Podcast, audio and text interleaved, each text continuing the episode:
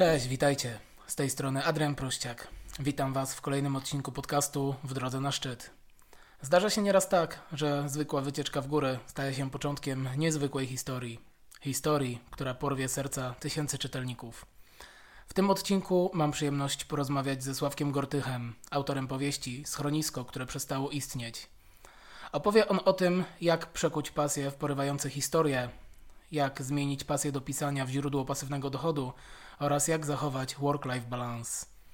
Zważywszy na fakt, że rozmawialiśmy ponad godzinę, dla Waszej wygody podzieliłem ten wywiad na dwa odcinki. Serdecznie zapraszam do jego wysłuchania. Halo, dzień dobry wszystkim. E, tak jak obiecałem w poprzednim podcaście, jest ze mną dzisiaj Sławek Gortych. Sławku, witaj. Dzień dobry. Mm, Sławek, powiedz coś o sobie. Kim jesteś, czym się zajmujesz? Eee, to, czym się zajmuję, to, e, to są dwa e, takie fil filary, na których w tym momencie stoi moje życie. E, to jest stomatologia i pisanie. To się wydaje z pozoru bardzo takie dziwne połączenie, ale jak się dowiedziałem już jakiś czas temu też grzebiąc w różnych, w historiach różnych ludzi, którzy przed wojną zamieszkiwali Dolny Śląsk, to byli już tacy przede mną i był taki doktor Wilhelm Kirsch, stomatolog z Drezna, który poza tym, że zajmował się na co dzień, e, miał swoją praktykę dentystyczną, to był wielkim pasjonatem karkonoszy i e, napisał jeden ze słynniejszych przedwojennych przewodników po karkonoszach, więc e, ja trochę na wzoru tego doktora Wilhelma Wisienki też, też te dwie profesje staram się łączyć i i to bardzo mocno wypełnia moją codzienność. Mhm. Powiedz mi, czy to jest w jakiś sposób trudne, albo cięższe do wykonania, żeby połączyć takie dwie, no w sumie oddzielne profesje, no bo mm -hmm. stomatologia to raczej medycyna, coś co jest mm -hmm. twarde, tak? Umiejętności mm twarde są potrzebne a jednocześnie tworzysz, tak? Czyli, czyli używasz tych umiejętności miękkich. Tak, tak. Ja uważam nawet, że te, te kompetencje miękkie są tutaj e, chyba jeszcze ważniejsze, tak patrząc długofalowo na budowanie relacji z pacjentem, bo no jakby nie patrzeć, żeby, żeby lekarz tą swoją praktykę mógł jakoś e, prowadzić, e, to musi mieć e, pacjentów, a w przypadku relacji ze stomatologiem, e, relacji pacjentów, no to to, jakie kompetencje miękkie ten lekarz posiada, ma bardzo istotne znaczenie, bo pacjenci są dzisiaj coraz bardziej świadomi, mają coraz więcej możliwości także zmieniania swoich, e, swoich lekarzy i wybierania ich odnośnie swoich potrzeb, no to jest jakby zawsze było zapisane w kodeksie etyki lekarskiej, że świętym prawem pacjenta jest to, że może wybierać swojego lekarza. E, niemniej to dzisiaj staje się coraz bardziej powszechne, więc e, stomatolog, który tych kompetencji miękkich nie ma i nie potrafi relacji ze swoimi pacjentami budować, no nie będzie e, miał chętnych na leczenie. Przynajmniej ja to tak, takie wrażenie odnoszę, że znam takich gdzieś tam też lekarzy, którzy no nie mają dużych kolejek, a są tacy, do których się ustawiają kolejki potężne i ja sam gdzieś tam też się do nich zapisuję, bo, bo wiem po prostu w jakiej atmosferze będzie przebiegać ta wizyta i że ja będę czuł się zaopiekowany. A odnośnie tego Twojego pytania o to, o to jak, e, jak to łączyć, no z jednej strony wydaje się, że nie jest to łatwe, e, tak, e, tak z pozoru, natomiast moje odczucie jest takie, że z wszystkich dziedzin medycyny, z wszystkich specjalizacji, stomatologia jest najlepsza dla rozwijania swoich pasji innych, pozamedycznych, e, dlatego że daje bardzo duże możliwości e, zarządzania swoją pracą i czasem. To znaczy, E, inaczej niż w przypadku takich specjalności typowo związanych z pracą w szpitalu.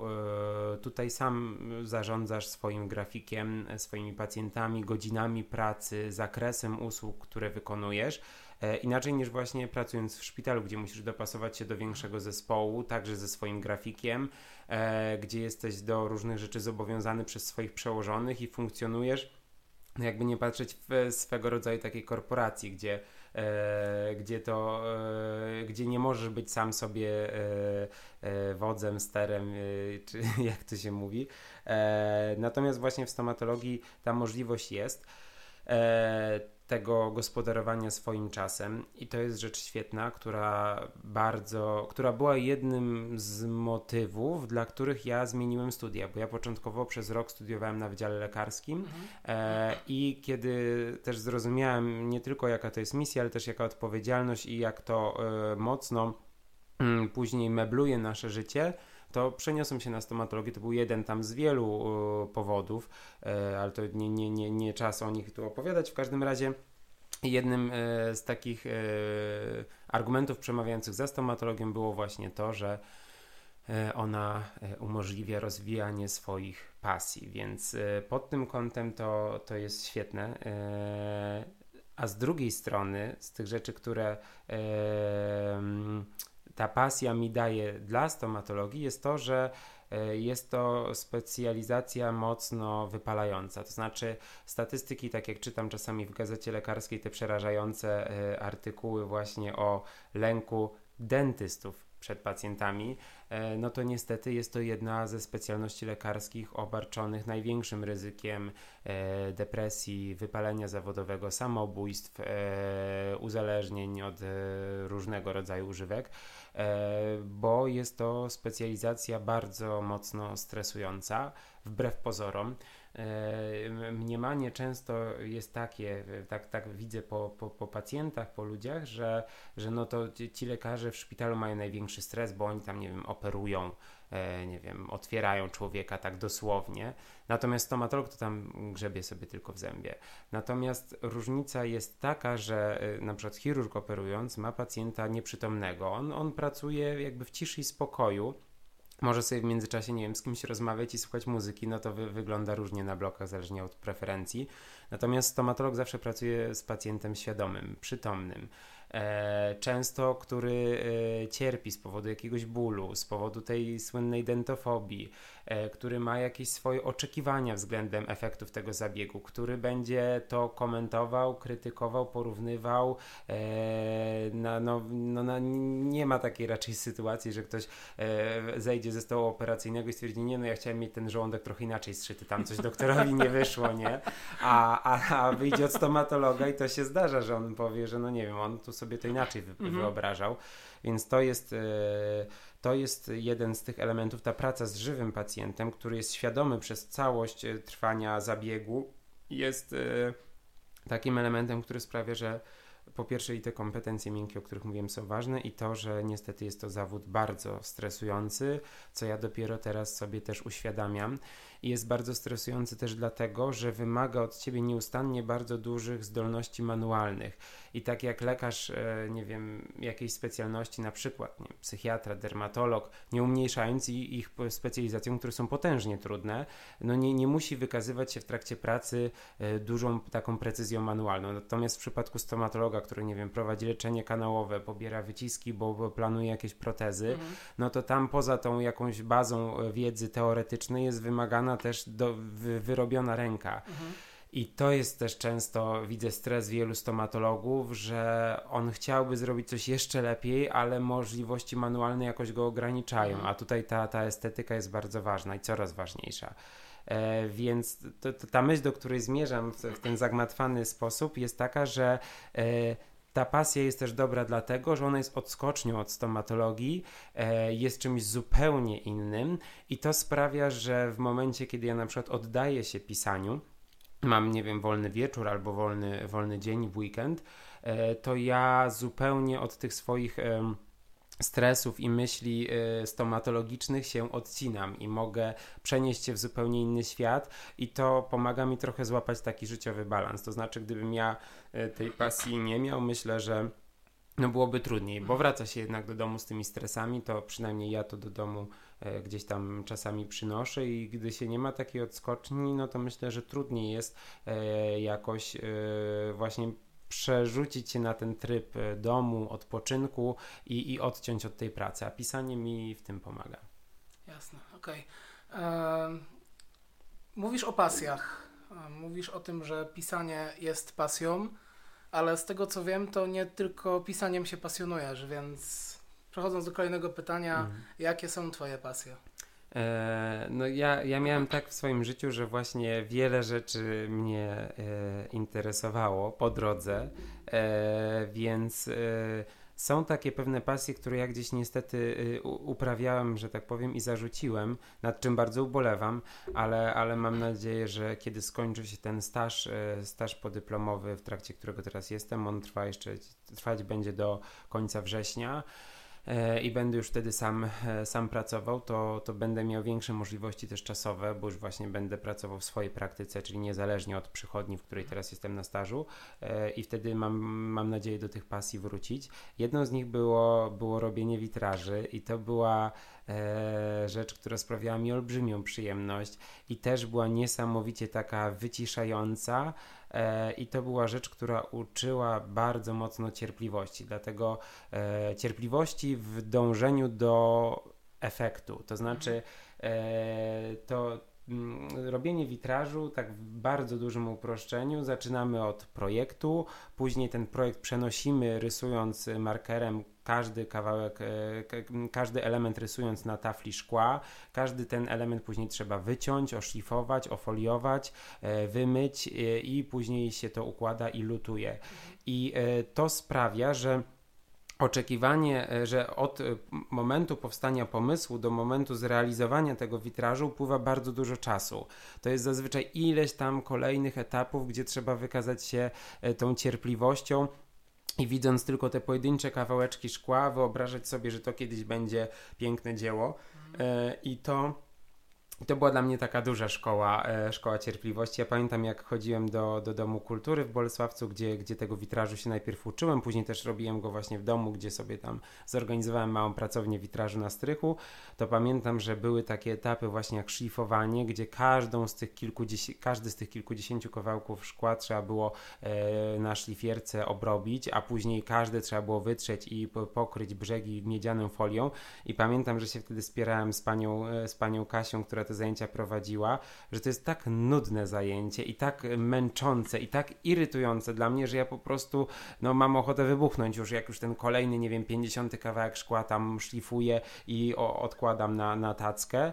A ona mówi, a zobaczysz kiedyś jeszcze, że będzie ci sprawiać przyjemność. I no miała rację, tak jest, że to e, w pewnym momencie, ja nie wiem, czy to z, wiekiem przychodzi, że, że takie zajęcia e, mi sprawiają więcej przyjemności, bo właśnie tak jak kiedyś ja chciałem jak najwięcej tego szaleństwa, tak teraz tej, tej ciszy i takiego spokoju, monotonii mi bardziej brakuje i to w tym witrażu, e, w, tym, w tej pracy już takiej rzemieślniczej, bo projekt to jest to szaleństwo, ale później ta praca od kiedy zaczynasz realizować projekt do efektu, to jest takie rzemiosło i, i, i ta cierpliwość yy, tej cierpliwości się dużo nauczyłem. Tak sobie jeszcze o tym myślę, że to jest w pewnym sensie podobne do niektórych działań w stomatologii, bo to jest też często tak, że przychodzi do ciebie pacjent, który ma jakieś tam, nie wiem, rozległe potrzeby, rozległe na przykład braki zębów i on ma wymarzony piękny uśmiech. Ty mu mówisz, że dobrze, postarasz się, zrobisz, e, zrobisz to najlepiej jak potrafisz od początku do końca, ale to też wymaga właśnie Twojej i pacjenta cierpliwości, bo to jest mhm. zazwyczaj wiele wizyt i pracy od takich podstawowych rzeczy i leczenia próchnicy przez projektowanie jakichś tam mostów, koron, protez, y, wysyłanie kolejnych wycisków do technika, mhm. kolejnych przymiarek i yy, ja sam miałem właśnie takie doświadczenie, gdzie u jednego z pacjentów chcieliśmy trochę yy, poprawić ten jego uśmiech i, i praca nad tym mostem trwała kilka miesięcy, bo tam było jeszcze dużo rzeczy do wykonania i kiedy już się pojawiła ta radość, kiedy już ten most był u niego już zacementowany i on się uśmiechnął i pomyślałem wtedy właśnie, że kurczę, to jest trochę jak zrobieniem witrażu, że masz jakiś plan, plan to jest takie wow, później jest ileś tych żmudnych etapów i dopiero jest ten efekt końcowy i ta frajda, że, że się udało. No i jest też to obarczone tym samym właśnie ryzykiem, że jak w witrażu się czasami coś źle doszlifuje i to wychodzi dopiero na ostatnim etapie, że któreś tam kawałki nie pasują, to niestety z zębami bywa tak samo, że na koniec się okazuje, że coś tam nie wchodzi na swoje miejsce i wtedy jest olbrzymi stres. I trzeba walczyć. Tak, tak, trzeba walczyć. I jeszcze uspokoić pacjenta, że damy sobie z tym radę. No właśnie. No, a powiedz mi, co z pasją do gór, bo ty tą pasję do miłość do karkonoszy też mm -hmm. przelewasz na papier. E, tak, to jest właśnie e, trochę takie, e, tak, no tak jak powiedziałeś, przelanie tej, tej pasji na papier. E, to jest tak, że ja po, po tych górach chodziłem od dzieciństwa. Gdzieś tam pierwszy raz e, ojciec e, zabrał mnie na wędrówkę, to znaczy to tak źle powiedziałem, bo pojechałem i z tatą i z mamą, ale mama zajmowała się młodszą siostrą, e, a, ja, a ja z tatą poszedłem na wycieczkę na Śnieżkę e, i to była jedna z pierwszych moich takich wędrówek i mm, No to jest tak, tak jak gdzieś tam te słynne memy mówią, że ludzie się dzielą na tych, którzy kochają góry i na tych, którzy nigdy tego nie zrozumieją. Mhm. E, nie wiem, czy tak jest, bo znam ludzi, którzy tego nie rozumieli i to zrozumieli gdzieś na pewnym etapie życia, ale u mnie było tak, że mnie nikt nie przekonywał do tego przez długi czas, ani nie zmuszał, ani nie przedstawiał mi tego z góry jako taką niesamowitą wartość, że słuchaj synu, ty musisz to pokochać, bo to jest po mhm. prostu takie niezwykłe i że ja nie byłem tym jakoś tak indoktrynowany od mhm. dzieciństwa. To było tak, że bardziej rodzice wyszli z założenia, że no dobra, my lubiliśmy chodzić po górach, zabierzmy młodego, zobaczymy, czy mu się mhm. spodoba. I mnie się to od pierwszego, od pierwszej wędrówki bardzo spodobało. I później było tak, że no ja byłem mały i sam w te góry jeździć nie mogłem, więc, e, więc byłem zdany na to, kiedy rodzice będą mieli czas i będą mogli mnie w te góry zabrać. Więc ja za tymi górami dość mocno tęskniłem, bo nie, nie, nie byłem z, właśnie z natury w dzieciństwie niecierpliwy i nie lubiałem tego, że na różne rzeczy trzeba czekać i to czasami długo, więc mój kalendarz na przykład, kalendarz, który stał przy biurku, zazwyczaj obfitował w takie e, cyferki podopisywane do każdego dnia, że ja sobie odliczałem ile dni do urodzin, ile dni Aha. do świąt, ile dni do czegoś tam okay. i codziennie sobie te, te dni sprawdzałem ile do czego mhm. jeszcze zostało, bo to właśnie z tej niecierpliwości wynikało i tak takim właśnie rzeczą, do, którą sobie czasami w kalendarzyku odliczałem był kolejny wyjazd w Karkonosze i mm, Dopiero, dopiero liceum to już był ten czas, gdzie już zacząłem po tych górach wędrować sam. Wtedy też wędrowałem po nich e, dużo, bardzo dużo w liceum. I, e, I było tak, że kiedy przyszły studia, no tego czasu już tak dużo nie było, bo, bo studia na, na Uniwersytecie Medycznym są bardzo wymagające już nie tylko e, pod kątem takiej pracy umysłowej, ale przede wszystkim też czasowo, bo poza tym, że zajęcia często trwają od rana do wieczora, to jeszcze e, później po powrocie do domu trzeba tą wiedzę z zajęć sobie wpoić na, na kolokwia czy egzaminy, więc tego czasu było bardzo mało i ja wtedy w góry nie jeździłem zbyt często i bardzo, bardzo za nimi tęskniłem. I to, że ja zacząłem przelewać te pasje do gór na papier, wynikało właśnie z tęsknoty e, za, za tymi górami. Ja tak kiedyś e, wiem, że na którychś spotkaniach już to e, mówiłem i tak też zaczynam e, tłumaczyć e, tak się też zaczyna posłowie drugiej części powieści, która teraz jest redagowana i wyjdzie e, no, gdzieś w okolicach między kwietniem a czerwcem. Mhm. To ja tam właśnie e, ukuwam takie stwierdzenie. Ono może jest, tak brzmi trochę patetycznie, ale to broń Boże nie jest tak, że ja się próbuję do naszego wieszcza Mickiewicza porównywać, aczkolwiek ja dopiero teraz, pisząc tę te, te pierwszą i drugą część książki, zrozumiałem, co on miał na myśli, kiedy zaczynał pana Tadeusza tymi słowami Litwojczyzny ojczyzno moja e, i e, ile cię trzeba cenić, ten tylko się dowie, kto cię stracił. I, e, i to, że Mickiewicz zaczyna to, tego pana Tadeusza tymi słowami, taki, tym, dając wyraz swojej tęsknocie za, za Litwą e, i stwierdzając, że on liczy, że właśnie ta jego dusza utęskniona za sprawą tej powieści e, przeniesie się do tych jego u, upragnionych ziem, to, to podobne motywy kierowały mną, kiedy ja zaczynałem pisać. To była właśnie olbrzymia tęsknota za górami i takie y, poczucie, że kiedy ja zacząłem o nich myśleć w kategoriach powieści i skupiać się na tym, to to były bardzo przyjemne dla mnie chwile. I kiedy już zacząłem planować tę powieść, to, to stwierdziłem, że to sprawia mi olbrzymią frajdę, że skoro nie mogę tej pasji górskiej realizować chodząc w danym momencie życia, to przynajmniej e, no, planując sobie takie przygody, jakie może sam chciałbym gdzieś w tych górach przeżyć, e, w jakiś sposób swoją utęsknioną duszą się tam mhm. przenosiłem. Mhm. Pięknie. pięknie, naprawdę. Pięknie o tym opowiadasz. A, dziękuję. E, powiedz mi, e, jakie masz cele, jakie masz marzenia E, moje cele i marzenia. Mm, one e, są e, tak jakby znowu też dwutorowe, tak jak, e, tak jak ta, mm, to, te, te dwa filary, o których mówiłem. E, to z jednej strony to są e, bardziej, myślę, cele związane ze stomatologią mhm. i marzenia związane z karkonoszami. Okay. To znaczy, E, odnośnie tej e, stomatologii, to było takim moim celem mm, jeszcze do, do niedawna mm, zrobienie specjalizacji. Ja bardzo mocno marzyłem o chirurgii stomatologicznej jako takiej jednej z dla mnie potężniejszych specjalizacji stomatologicznych, e, bo ja właśnie zawsze lubiłem te emocje, to, że coś się dzieje, a w chirurgii zawsze się dużo dzieje. To jest trochę coś innego niż, nie wiem, endodoncja, gdzie się dłubie w tych kanałach po kilka godzin i właśnie trzeba mieć tą olbrzymią dozę cierpliwości i, i pokory. Natomiast e, teraz trochę się te plany weryfikują, bo też coraz bardziej uświadamiam sobie, jak, dużą, e, jak duże pokłady e, takiej odporności na stres trzeba mieć w sobie, żeby się za taką specjalizację wziąć i jak dużo też cierpliwości do nauki trzeba mieć, żeby, żeby taką specjalizację zrobić i zdać później wszystkie egzaminy. Więc te, ten cel na ten moment jest taki postawiony pod znakiem zapytania, to znaczy mam wątpliwości, czy E, czy to jest rzeczywiście taki element, któremu ja bym chciał tak dużą część swojego życia poświęcić. E, więc, e, ale takim pewnym celem jest to, że, że chciałbym i bardzo o tym marzę, że po skończeniu stażu podejmę pracę w swojej, w swojej praktyce, w swoim gabinecie.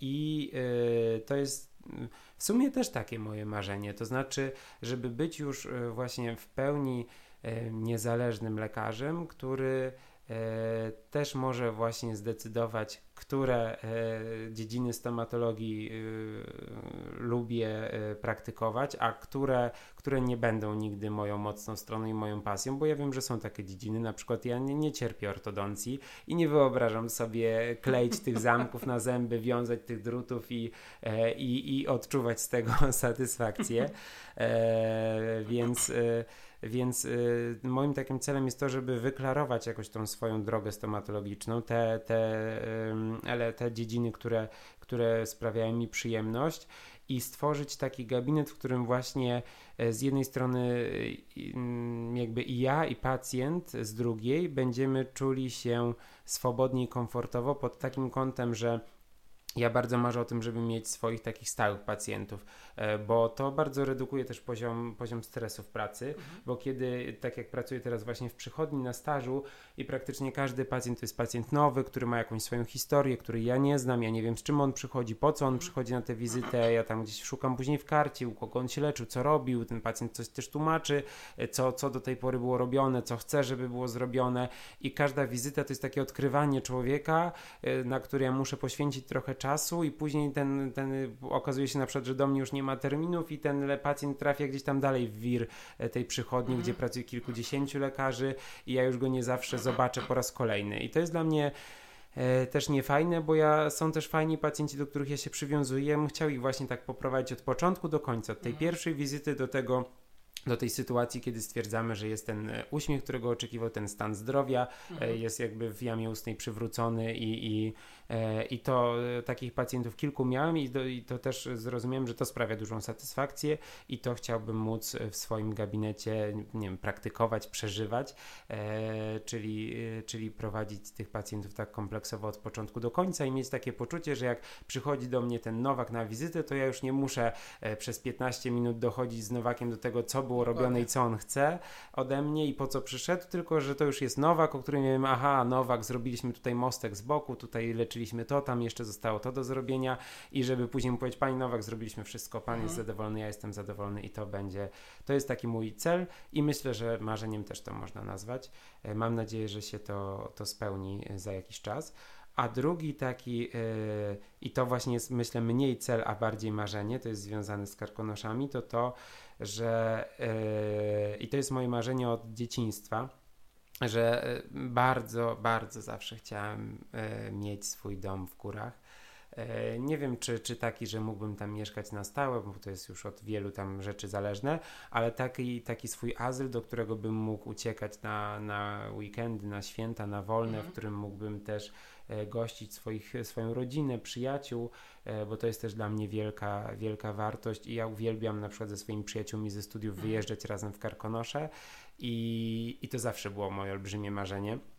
Mm, jako dziecko e, w ogóle marzyłem, że otworzę hotel w górach, e, czy hotel z restauracją, e, to no teraz się wydaje mało realne, patrząc na to, że no to, to trzeba mieć albo wygrać w totka, albo mieć olbrzymi spadek. Mnie się jeszcze nie udało ani jedno, ani drugie, ale, ale zobaczymy jak, jak będzie. W każdym razie nie wykluczam czegoś takiego w mhm. przyszłości, dlatego że naprawdę tak jak z napisaniem książki, gdzieś w dzieciństwie takie marzenie miałem e, i, i, spełnienie go po tylu latach było dla mnie niesamowitą radością. Tak samo e, ta, taki hotel w Karkonoszach, wiem, że to się wydaje z perspektywy tej stomatologii pisania już w ogóle oderwane od rzeczywistości, ale naprawdę to jest potężne moje marzenie i ja nawet już sobie dwa takie hotele upatrzyłem, takie mhm. przedwojenne, poniemieckie, które gdzieś tam stoją wysoko w górach. Jeden w całości odremontowany, a drugi to taka stara poniemiecka willa, potężna z muru pruskiego, z dwoma wieżyczkami, mm. z takim pięknym, e, zalesionym ogrodem, z widokiem na Karkonosze, no tylko tylko te, te ilość tych zer e, przy, przy te, te, tej kwocie, za jaką jest wystawiona na sprzedaż, trochę, trochę mnie przerasta na ten moment, ale może kiedyś, więc Dobrze to jest powiedziałeś, marzenie. Dobrze hmm. powiedziałeś na ten moment. No. Dobrze wiemy, że marzenia się spełnia.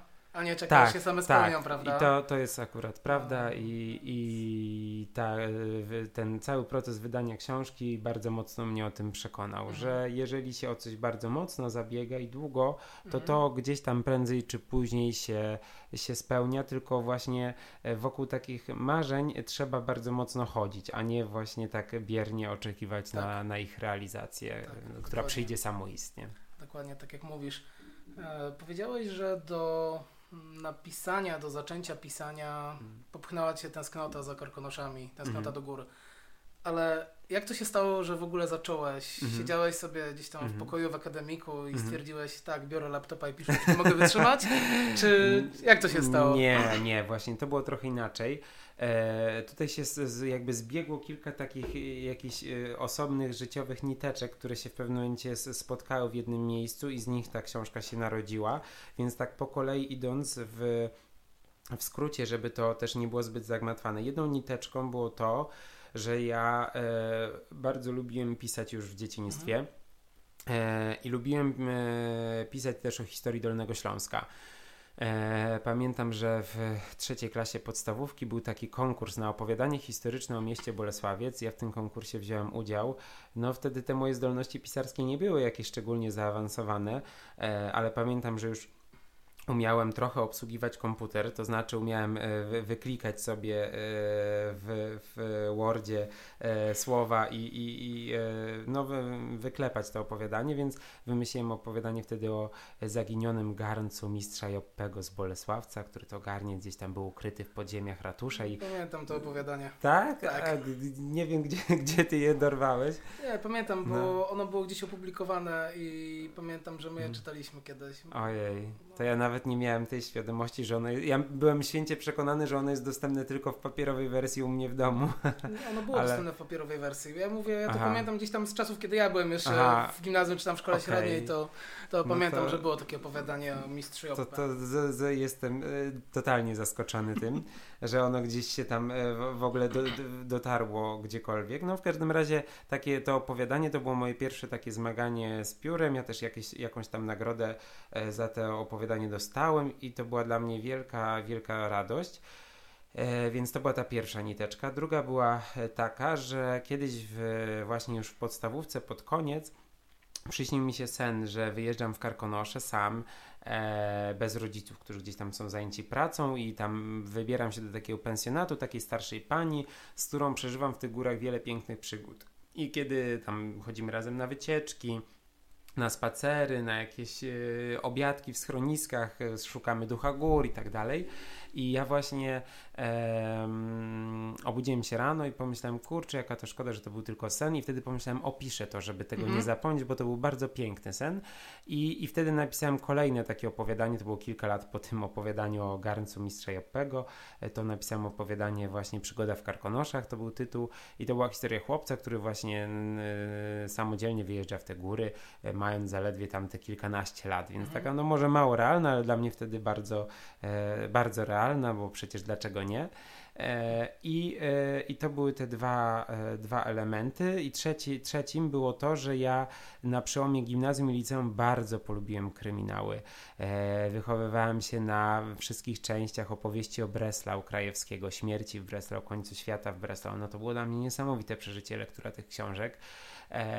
Później do tego doszły, doszły kryminały Miłoszewskiego, Joli Kalety o Dolnym Śląsku właśnie. No to, to, to ja, jakbym popadł w dygresję na temat tego, dlaczego lubię tych autorów i co oni mi dali, to to by było za długie, ale, ale każdy z tych, z, tych trzech, e, z tych trzech autorów bardzo mocno wpłynął swoimi powieściami na to, jak ja kształtowałem swój światopogląd e, i, i, i swoją też taką miłość do kryminałów. I to wszystko zbiegło się właśnie na przełomie liceum i studiów. E, połączył to jeden element i była tym elementem wycieczka w Karkonosze, e, gdzie trafiłem nad kocioł Wielkiego Stawu po raz pierwszy wtedy e, i tam były właśnie ruiny schroniska księcia Henryka. E, to było miejsce, które no, nie przedstawiało sobą jakiejś ani wielkiej wartości, ani nie było wielką atrakcją, bo to była tak naprawdę sterta gruzu, wysoko w górach, co prawda w pięknym otoczeniu natury, ale, ale tak jak mówię, no tam nie było żadnych jakichś takich fascynujących elementów, że to nie były potężne ruiny, tylko, tylko tak naprawdę resztki fundamentów. Ale mnie zaintrygowało to, że o tym miejscu nic nie wiadomo, a jak o czymś nic nie wiadomo, no to to zazwyczaj jest dla mnie taki bodziec, że ja bym chciał się czegoś dowiedzieć. I okazało się, że o tym miejscu trudno jest się czegoś dowiedzieć, dlatego że ono nie jest jakoś szeroko znane też w świecie internetowym czy, czy w świecie literatury jakiejś takiej bardziej fachowej. E, a im bardziej nie możesz się czegoś dowiedzieć, tym bardziej to cię drażni, a jednocześnie przez to intryguje i zmusza do tych poszukiwań. I było tak, że e, ja gdzieś w końcu trafiłem na informację, że w tym schronisku po wojnie mieszkał ojciec z dwójką synów Niemcy, mhm. którzy, którzy nie zostali wysiedleni. I pomyślałem, wow, to takie intrygujące, że nie wiadomo do dzisiaj, co się z nimi stało, bo schronisko spłonęło w 1946 roku. Nie wiadomo do końca kiedy, nie wiadomo do końca dlaczego, w jakich okolicznościach, kto je spalił, bo na pewno to nie był przypadkowy pożar, dlaczego nikt nie ruszył z akcją ratunkową, dlaczego schroniska nie odbudowano. I tych, tych znaków zapytania było tak dużo, mhm. że pomyślałem wtedy, kurczę, no to jest przecież materiał na kryminał, dlaczego no, jeszcze nikt o tym nie napisał? Nie wiem, dlaczego ta Jola Kaleta czy, czy yy, Krajewski do tego nie usiadł usiedli, no ale oni jednak, no Krajewski się porusza po Breslau, y, Jola Kaleta po Górach Sowich raczej, no więc pomyślałem, że może to jest takie miejsce dla mnie, skoro mhm. nikt jeszcze do tego nie usiadł, no to może ja, ale, ale nie miałem jakoś tak na to początkowo pomysłu yy, i zaczęły się studia Mm, zaczęły się studia i wtedy właśnie zacząłem nad tym bardzo intensywnie myśleć i pamiętam, że to było tak, że e, jeżdżąc pociągami z Bolesławca, w którym miałem, w którym był, jest mój rodzinny dom, e, do Wrocławia, w którym studiowałem, a, a że ja dosyć często na weekendy do domu wracałem, więc zawsze te półtorej godziny w jedną, w drugą pokonywałem e, w piątek i w niedzielę, to wtedy po drodze sobie czasami nawet stojąc gdzieś, bo tłok w pociągach zazwyczaj był, był duży, albo siedząc gdzieś tam na podłodze, sobie wyciągałem taki notesik i sobie próbowałem pisać w punktach, co tam mogło się stać w tym schronisku. To znaczy mhm. wymyślić to sobie, że na przykład, a nie wiem, to ci Niemcy spalili uciekając, albo ktoś tam z sąsiednich schronisk z zawiści spalił to schronisko tym Niemcom. I, i te hipotezy się gdzieś tam mnożyły, mnożyły. W końcu któraś stwierdziłem, że jest na tyle ciekawa, że jakoś bym ją rozwinął mhm. i sobie tak w te, te punkty kolejne dopisywałem, co tam się mogło stać, kto na kim się mścił, kto przeżył, kto nie przeżył, kto kogo e, gdzieś tam zabił i to, to, był za, i to było taki mm, zalążek fabuły mhm. książki Schronisko, które przestało istnieć, mhm. która, e, która się ukazała e, teraz w lipcu 22. E, I, e, I to był ten pierwszy moment właśnie e, te, te, te podróże tym pociągiem i to spisywanie sobie tych pomysłów. I później było tak, że skończył się pierwszy rok studiów ja wyruszyłem na wycieczkę w Karkonosze z przyjaciółką, z którą chodziłem po górach od wielu, wielu lat. I e, powiedziałem jej, słuchaj, wymyśliłem taką historię kryminalną. A ona mówi, ale jaką? Ja mówię, no o karkonoszach. No, no, no to opowiadaj. No a że szliśmy wtedy w strasznej mgle, więc widoków za wiele nie było, nie było co robić, więc wtedy tym bardziej się rozmawia, no bo nie ma nad czym tutaj gęby rozdziawiać, Mhm. że nad tymi widokami. No i ja tak myślę, że to z dwie godziny zajęło. Ja ją punkt po punkcie opowiadałem, że słuchaj, bo było takie schronisko księcia Henryka nad Wielkim Stawem, ono się spaliło i ja wymyśliłem, że tam się stało to, to, to i tamto i później się akcja przenosi do współczesności, tam się dzieje to, to, to i tamto. Mhm. I ona na koniec tego mówi, no, no fajne, no to napisz to. A ja mówię, ale Julia, jak napisz? Jakby nie wiem, jak to mam napisać. Ona mówi, no masz już plan, no to usiądź na dupie i pisz. I ja myślę, no dobra.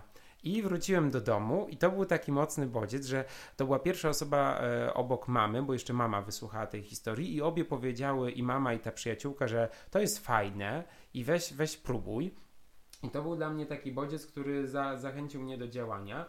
Aż ja właśnie wtedy zmieniłem studia po pierwszym roku lekarskiego na stomatologię i tam miałem duży luz na pierwszym roku, bo dużo miałem poprzepisywanych Mhm. przedmiotów, bo ten plan studiów na pierwszych latach e, lekarskiego i stomatologii się mocno pokrywa. To miałem właśnie czas i to był czas, który ja wykorzystałem bardzo mocno, że wtedy nie wolny od zajęć, bo ja nie miałem, wtedy miałem chyba 4 dni w tygodniu zajęcia, a jeden dzień miałem wolny, to ja ten dzień bardzo mocno poświęcałem na to pisanie Eee, i, i później to już się stało dla mnie na tyle naturalne, że ja to robię w ten dzień i że ja to lubię i że ta historia tam strona po stronie powstaje i że najpierw to myślałem, że będzie opowieść na 10 stron, a później wyszło, że tych stron już jest 50 i to dopiero rozwinęliśmy tam pierwszy, pierwszą wątek. kropkę, Mhm. pierwszy wątek, że yy, no stwierdziłem, że kurczę, rzeczywiście wyjdzie chyba z tego książka. E, I tutaj ta cierpliwość była bardzo potrzebna, no bo do tego momentu, kiedy ta książka z tego, z, z tego planu wyszła, no to minęły dwa lata. E, I te dwa lata to były, że to było, wyglądało dokładnie tak jak robienie witrażu, czyli najpierw było ten, ten szał, kiedy ja planowałem tę powieść i, i ten plan był bardzo szczegółowy, bo to było tam 40 stron takich y, maszynopisu, że tak powiem, y, nie, nie ręcznego pisma, więc chodzi o przedstawienie objętości tego, że to było 40 stron, punkt po punkcie, tam było kilkaset mm, punktów ponumerowanych kolejnych wydarzeń. Jest rozmowa między tymi bohaterami, a tamtymi, dochodzi do tego, wniosek z rozmowy jest taki. Kolejna scena, y, karkonosze, pogoda taka i taka, ten bohater jedzie w góry i tak rozpisałem sobie całą tę powieść na te 40 stron i później jak to wydrukowałem i siadłem do tej pracy, to to już była taka rzemieślnicza praca, żeby każdy z tych punktów przekształcić w scenę czy w jakiś tam Jak przy rozdział. witrażu. Jak przy witrażu, dokładnie. Mhm. I to zajęło właśnie łącznie dwa lata, żeby ten plan zrealizować i ja punkt po punkcie te kolejne elementy już rozpisane sobie odkreślałem, Mhm. później skreślałem całą stronę, zadowolony, że już 39 stron, później sobie już te strony podzieliłem na, na procenty, że jedna strona to jest tam 2,5%, więc jak już mam Mhm. e, dwie strony zrealizowane, to już 5% za mną i, i sobie to zawsze tak rozpisywałem i odkreślałem te punkty, bo ja, ja jakąś taką mam e, obsesję na tym, w tym zakresie, że ja lubię mieć coś wypisane w punktach, co mam do Mhm. zrobienia i te punkty odkreślać, to mi sprawia frajdę. I tak było właśnie z tą książką i no i jest. No jest i z tego co widziałem, no, jest to bardzo fajne dzieło, jest to dzieło dojrzałe. Mm, No to już I czytelnikom bardzo- pozostawiam do e, oceny. I w bardzo No. fajny sposób to promujesz, bo też mnie zaciekawił Mhm. sposób, w, w jaki ty to promujesz. To była pierwsza część wywiadu ze Sławkiem Gortychem, autorem powieści Schronisko, które przestało istnieć. Już teraz zapraszam Cię do wysłuchania kolejnego odcinka, w którym będziemy kontynuować nasz wywiad.